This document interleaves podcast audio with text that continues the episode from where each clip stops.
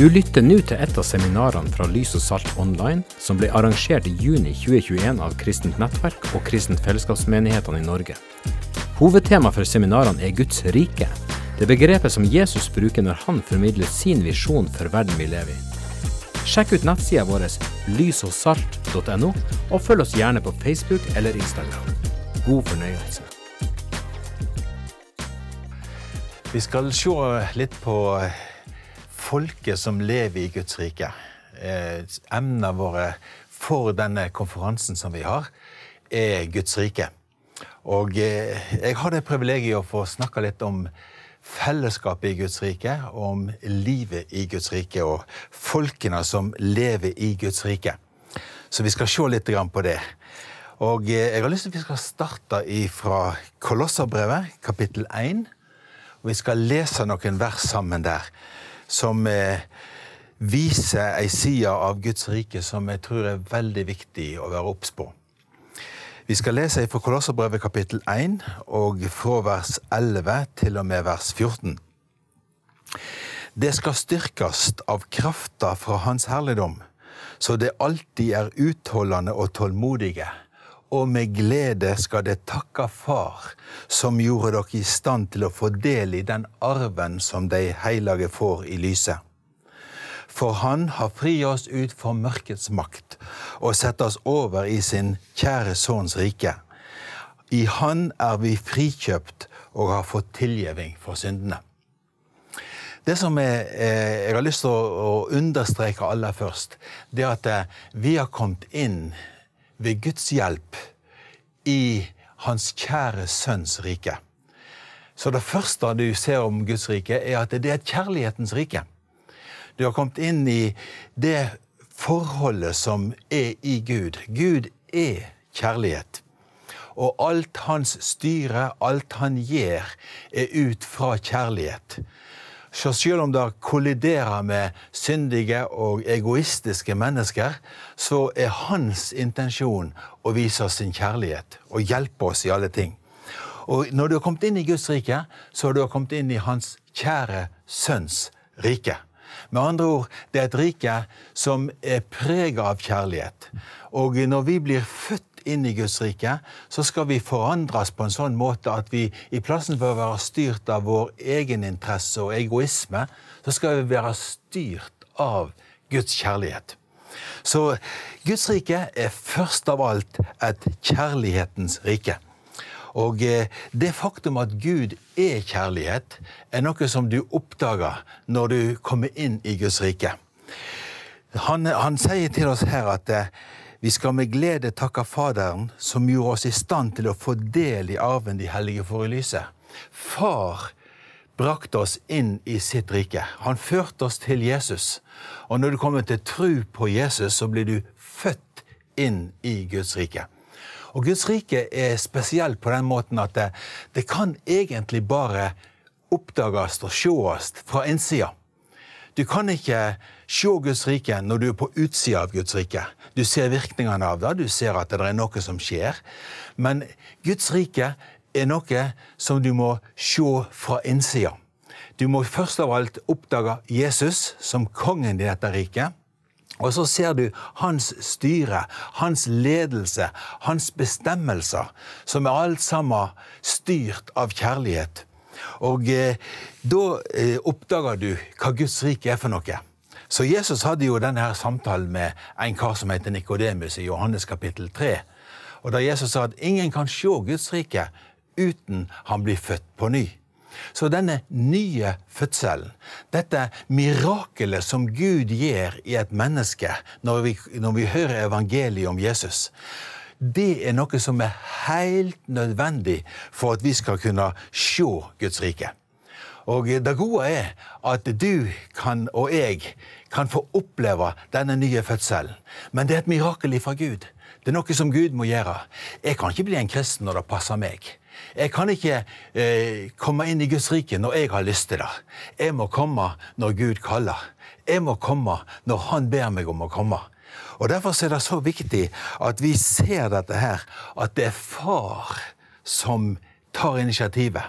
Og han drar oss til Jesus. Og når vi hører da hvem Jesus er, og hva han har gjort for oss, og vi kommer til tro på det og tar imot han, så blir vi født inn i Guds rike. Og dette livet som vi må ha, dette guddommelige livet som kommer fra Gud, det kan du ikke få uten gjennom Jesus Kristus. Det livet er bare i Han. Og eh, det er veldig vidunderlig når jeg får høre budskap om Jesus, og jeg får tilbud om å ta imot Jesus. Når jeg tar imot Han som min Herre og Frelser, så kommer det evige livet, det udødelige livet, det livet som er i Gud, som er mer enn det skapte livet som vi har. Det flytter inn i oss ved Den hellige ånd. Og da er det far som gjør dette. Far viser oss hvem Jesus er, og far hjelper oss til å komme inn i Hans rike ved en ny fødsel. Og eh, Derfor sier Bibelen her nå at eh, vi skal med glede takke Faderen, som jo gav oss del i sitt rike.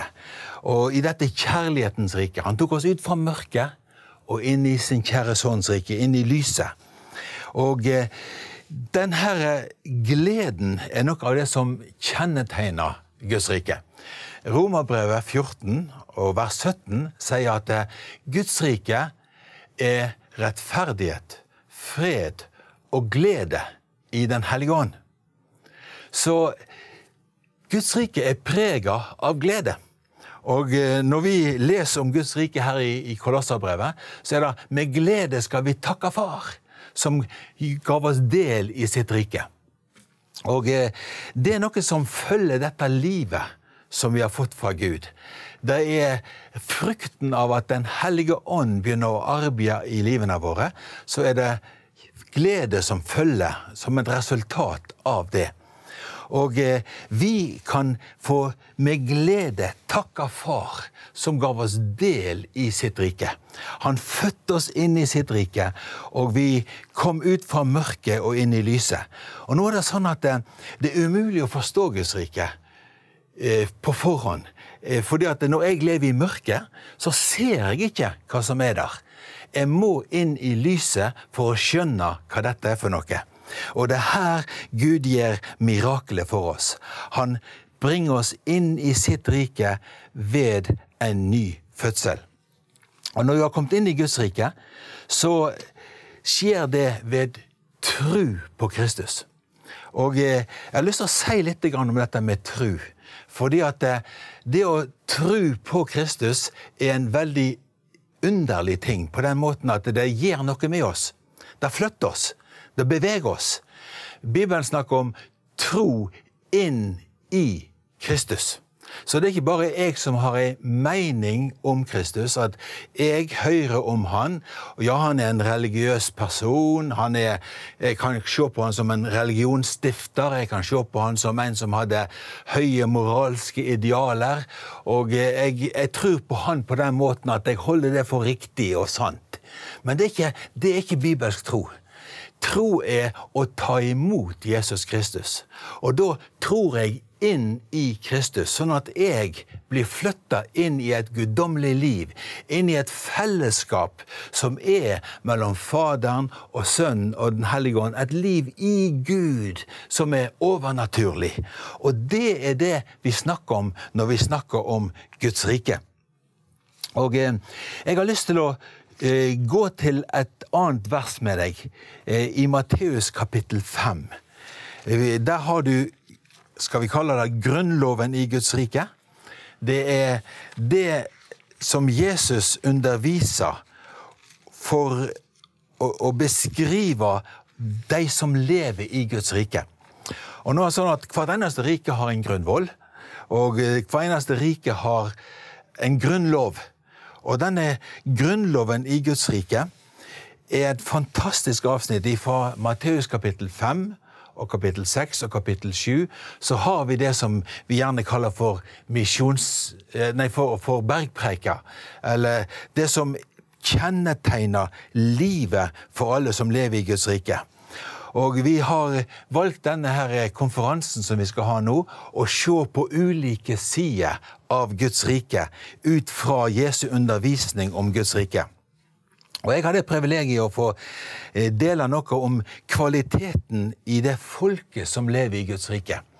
Og Nå skal vi se litt på eh, kapittel fem, og vi skal lese noen vers sammen eh, fra Matteus. For Jesus han går opp i fjellet her og så setter han seg ned, og så kommer læresveinene. Og så kommer det masse andre folk rundt omkring òg, så det er en stor folkemengde der. Men Jesus fokuserer på læresveinene sine. Han underviser dem. Og nå er det sånn at det, det er ingenting i Guds rike som ikke kan deles med alle. Eh, men problemet er at eh, hvis han ikke har fått det livet fra Gud, så forstår han ikke hva dette er for noe. Og veldig mange ser på Jesus som en en som starta en religion. Han var ikke det. Han var Guds levende sønn, som kom med liv fra Gud for at alle mennesker skulle få noe mer enn det skapte livet, som er fantastisk. Det skapte livet fra Gud er fantastisk, men vi trenger mer enn det. Vi trenger det livet som aldri kan dø, det evige livet som bare er i Jesus. Og eh, det kom han for å gi til alle mennesker. Og Så setter Jesus seg ned med læresvennene mens det var mye folk rundt omkring, og så begynner han å undervise dem. Og eh, Han starta med dette ordet her 'salig', eller 'sele' på nynorsk. da.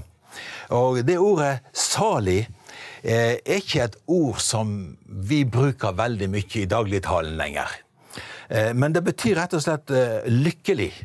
Eller jeg skal gi deg det, den hele betydningen av dette ordet som, som, er i Guds ord. Fordi at på gresk og, og, arameisk, som er det språket som Jesus talte her, da, så betyr det ordet her eh, ganske mye. Altså det, det, er et veldig sånn innholdsrikt ord.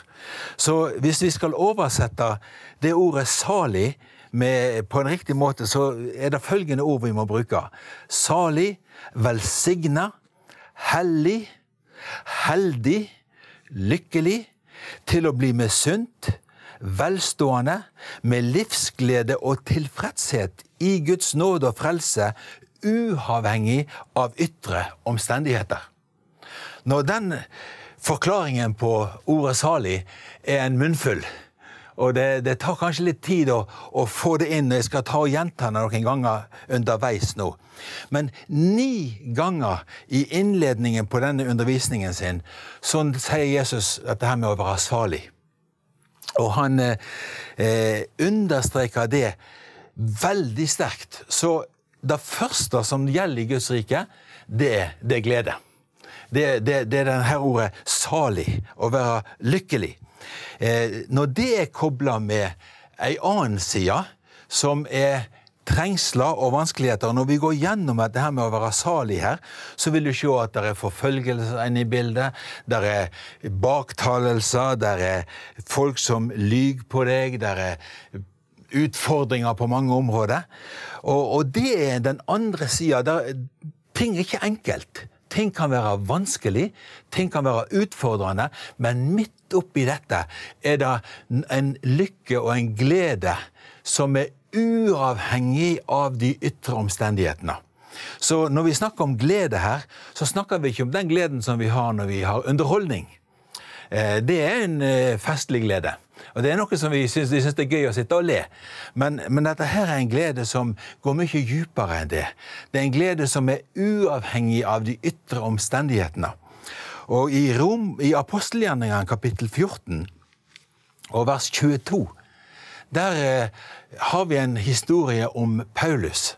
Paulus har nettopp vært eh, i lag med Barnabas inne i en eh, by og de har forkynt evangeliet, og så har de sett Gud gjøre noen mirakler der folk har blitt helbreda, folk har blitt hjulpet, og det har skjedd veldig store og synlige mirakler. Og folk blir så begeistra at de tror at dette her er de gudene som de tilber for gammelt av. Så de ønsker å komme og ofre til dem. Eh, og takker de, og de er så begeistra for, for denne tingene som har skjedd. Men når dette skjer, så får Paulus stagga de og sier nei, nei, nei, nei, ikke, ikke ofre til oss. Det er Gud som har gjort dette her. Og så er det at det kommer noen jøder fra annen, et annet område, og de begynner nå å snakke negativt om Paulus og de. Og de får da oppildna folk til å komme imot dem. Så det ender faktisk med at Paulus blir steina så han holder på å dø. Og bevisstløs så blir han dratt ut av byen, og så kommer han til seg sjøl igjen. Men han opplever altså på den ene sida en veldig popularitet, og i neste øyeblikk blir, å bli steina og bli forfulgt. Eh, og så, når han da underviser for de forskjellige menighetene i etterkant av dette her, så sier han til dem vi må gå inn i Guds rike gjennom mange trengsler. Så det er prøvelser, det er trengsler, og eh, vi lever jo akkurat nå i en pandemi. Altså i en situasjon der enkelte mennesker opplever virkelig trengsler i det som skjer. Vi er velsigna som har sluppet denne sykdommen, vi er velsigna som har sluppet virkningene av den, men det er noen som blir råka hardt og, og, og opplever store trengsler. Og det kan være mange typer trengsler. Eh, ikke bare sykdom, ikke bare utfordringer, men det kan være vanskeligheter som en møter i arbeidssituasjonen, det kan være vanskeligheter en møter i familielivet, det kan være vanskeligheter en møter i forskjellige forhold. Men i alt dette som skjer av utfordringer, så kan vi leve med en glede på innsida fordi vi er i Guds rike. Og jeg, på tross av utfordringer, vanskeligheter og prøvelser og trengsler, så er det altså denne gleden som er i grunnlaget for alt vi holder på med i Guds rike. Og Jesus ni ganger sier at det er om å være lykkelig, om å være salig, eller for, for å gi deg hele, eh, hele forklaringen på salig igjen, å være velsigna, hellig, heldig, lykkelig, til å bli misunt, velstående, med livsglede og tilfredshet i Guds nåde og frelse, uavhengig av dine ytre omstendigheter. Nå, og Her sammen med Jesus og så sier han ni ganger gjentar han dette. her.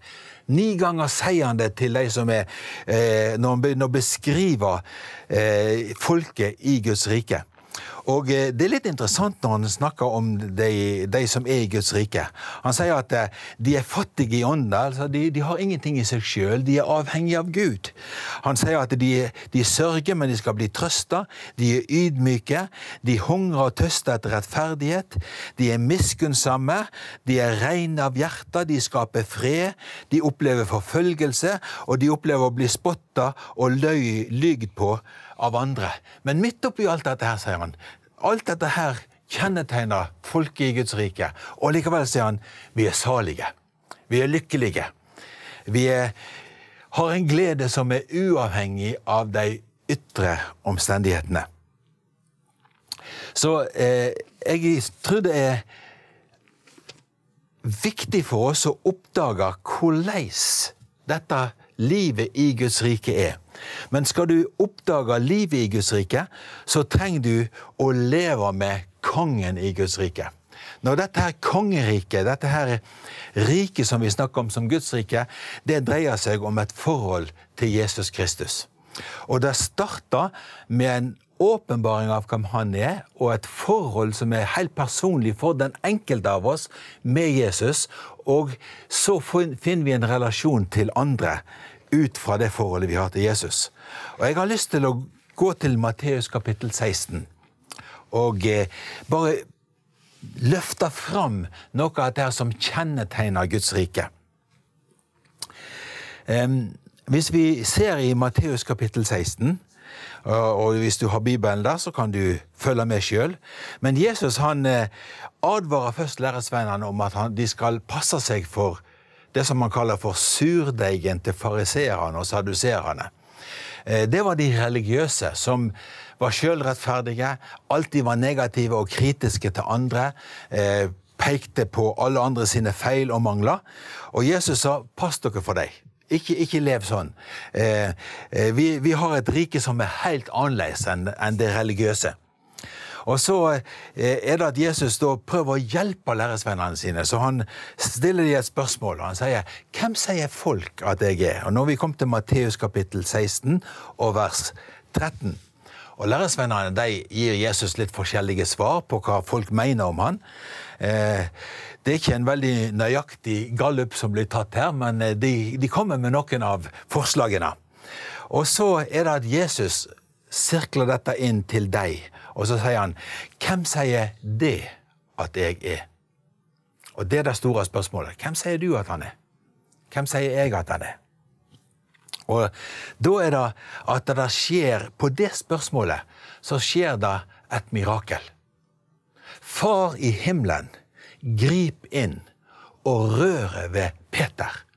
Så Peter plutselig sier, 'Du er Messias'. Eller 'Du er Kristus'. Du er kongen. Du er den salvede. Du er Messias, den levende Guds sønn. Og eh, Jesus ser på Peter og sier, 'Peter, dette her er fantastisk.' Vet du hva? Du har nettopp hatt en åpenbaring fra Far i himmelen. Far i himmelen har gjort noe i ditt indre, så du plutselig ser hvem jeg er. Og eh, så sier han til han, Peter, fordi du har sett det, du har hatt denne åpenbaringen, så blir du forandra. Du er Simon, sønn til Jonah, men fra nå av så er du forandra til Peter, som betyr en klippe. Eh, en stein, om du vil. Og så sier Jesus til han, Peter, jeg skal bygge min menighet. På åpenbaringen av hvem jeg er, på denne klippen, skal jeg bygge min menighet. Og eh, jeg gir deg nøklene til himmelriket. Og eh, han sier at jeg skal bygge min menighet. Dødsrikets porter skal ikke få overhånd. Med andre ord, eh, det er en kamp når Jesus bygger menigheten sin. For Guds rike blir levd ut i menighetsrelasjoner.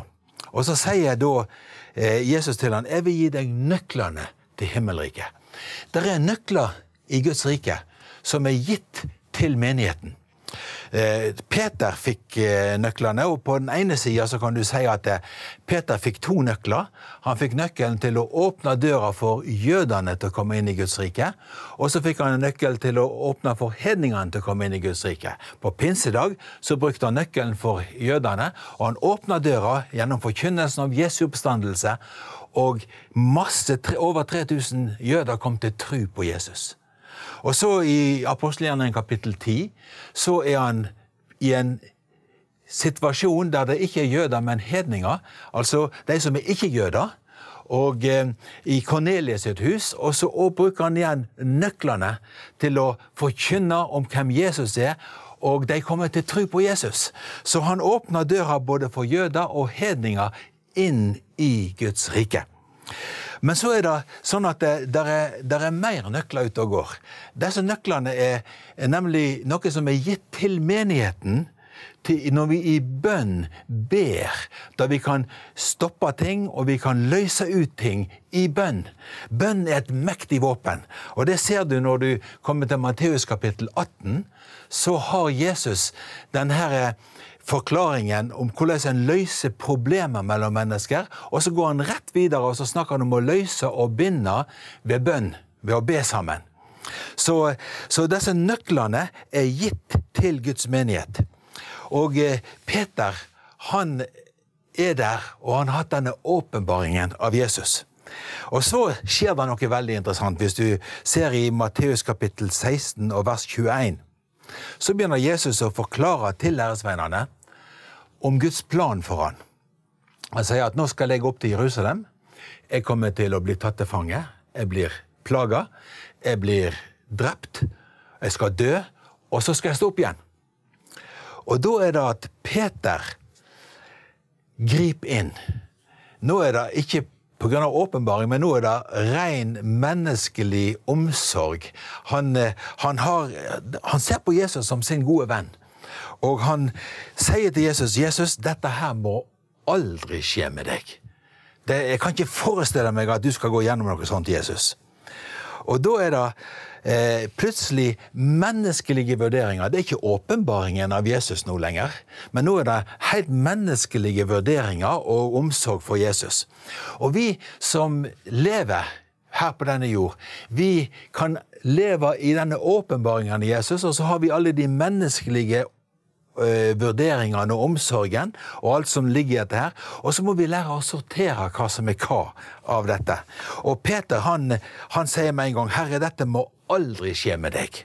Og så vil du se i kapittel 16 og vers 23. Jesus snur seg til Peter, og i plassen for å vise Peter forståelse og si at Peter, jeg setter pris på omsorgen din, jeg skjønner for et godt hjerte du har bak dette her, så bare sier han rett ut, vik bak meg, Satan, du vil føre meg til fall. Du har ikke sans for det som Gud vil, bare for det som mennesket vil. Og Peter går gjennom en rystelse her, da han plutselig begynner å oppdage at her er ei menneskelig side som Satan kan utnytte, og det er ei guddommelig side som vi må legge vind på. Og eh, Det gode er jo at eh, Jesus lar ikke Peter og disiplene henge i lufta på denne måten. her. Han lar det ikke stå der med spørsmålene sine, men samme gangen, vers 24, så taler Jesus til dem. Og nå skal vi lese sammen fra vers 24 til ut kapittelet der. Samme gangen sa Jesus til læresveinene. Vil noen følge etter meg, må han si nei til seg sjøl, ta krossen sin opp og følge meg. For den som vil berge livet sitt, skal misse det. Men den som mister livet for min skyld, han skal finne det. Hva gagner det et menneske om det vinner hele verden, men taper sin sjel? Eller hva kan et menneske gi til vederlag for sin sjel? For menneskesønnen skal komme i herligdommen åt far sin, sammen med englene sine, og da skal han lønne hver og en etter det han har gjort. Sannelig, jeg sier dere, som av de som står her, skal ikke smake døden før de ser menneskesonen komme i sin kongemakt, eller komme i sitt rike. Her har du Guds rike igjen.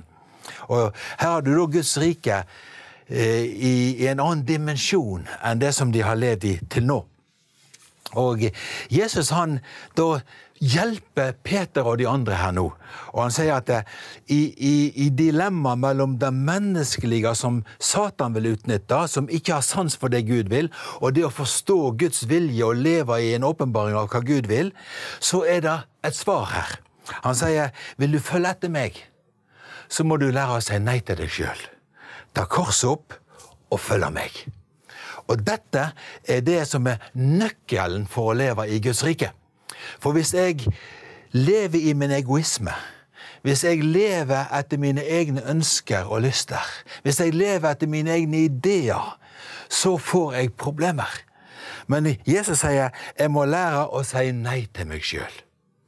Og så må jeg ta opp korset. Og det å ta opp korset betyr bare at der Guds vilje krysser min vilje, der må jeg velge Guds vilje. Og eh, så sier han at jeg skal følge Han. Jesus levde sånn som dette her hele tida. Og eh, det er viktig for meg og deg å lære å si nei til oss sjøl.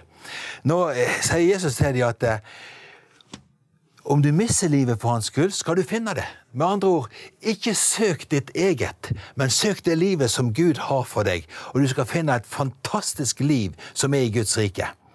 Og så snakker han om det å ha suksess. Han sier, hva hjelper det deg om du vinner hele verden? Men taper de sjel.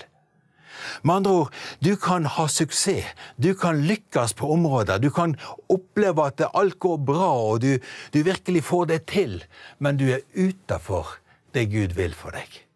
Og så sier Jesus dette her, da. Hva hjelper det om du vinner hele verden, men taper din sjel? Og, og, så sier han da, det kommer nemlig en dag da menneskesonen, da Jesus skal komme igjen, sammen med englene. Han skal komme i herligheten til far sin. Og spørsmålet er har du levd for Guds herlighet, eller har du levd for deg sjøl? Hva er det som styrer deg? Har du lært å si nei til deg sjøl, ta opp korset og følge Jesus, og dermed leve i denne gleden i Guds rike? Eller lever du for deg sjøl, og så finner du ut at alt sammen rant ut i sanden, og det var ingenting verdt til slutt? Her, her er nøkkelen for oss. Vi må leve i et evighetsperspektiv. Vi må leve i et perspektiv som er større enn her og nå.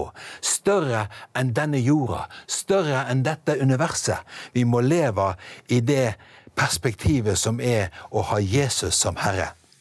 Og så sier Jesus til læresvennene her Han sier noen av dere som står her, skal ikke dø før dere har sett menneskesonen komme i sitt rike. Og eh, det, det, er en veldig interessant uttalelse som Jesus kommer med her nå. Han sier at i, i lys av å si nei til seg sjøl, ta opp korset, følge Jesus, begynne å leve for Jesus i alle ting, så skal du finne at du lever i en dimensjon der du begynner å skjønne hvem Jesus er.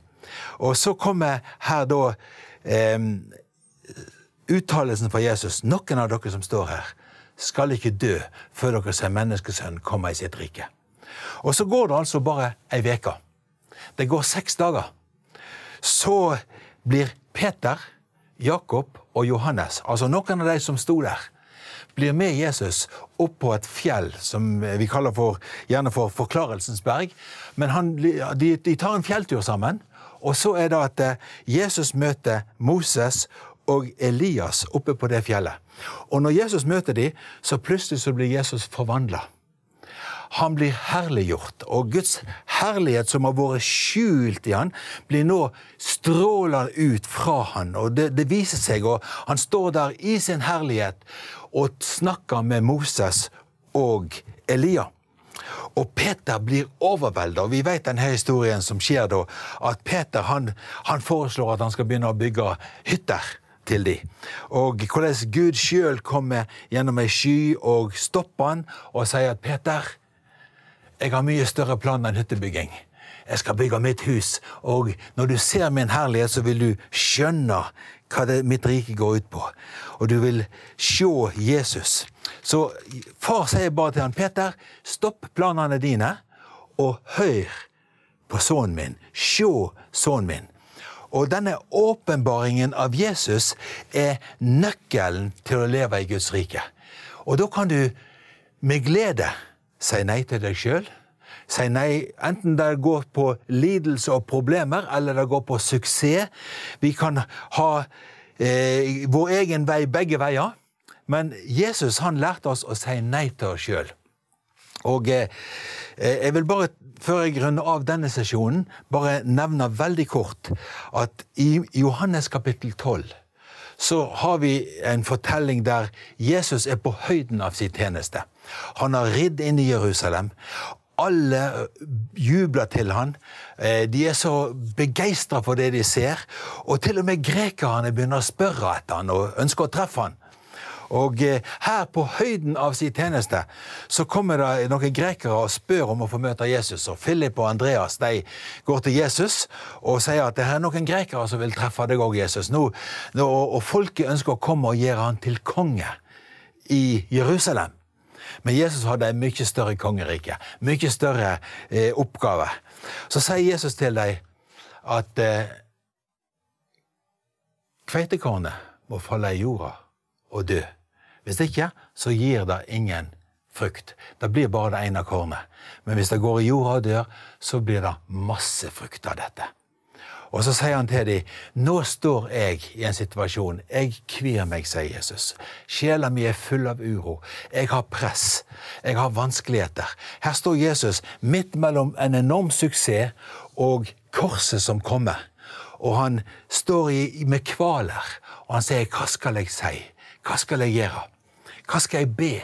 Skal jeg si 'Far, frels meg fra denne stunda'? Og så sier han nei. Han sier 'Far, herliggjør navnet ditt'.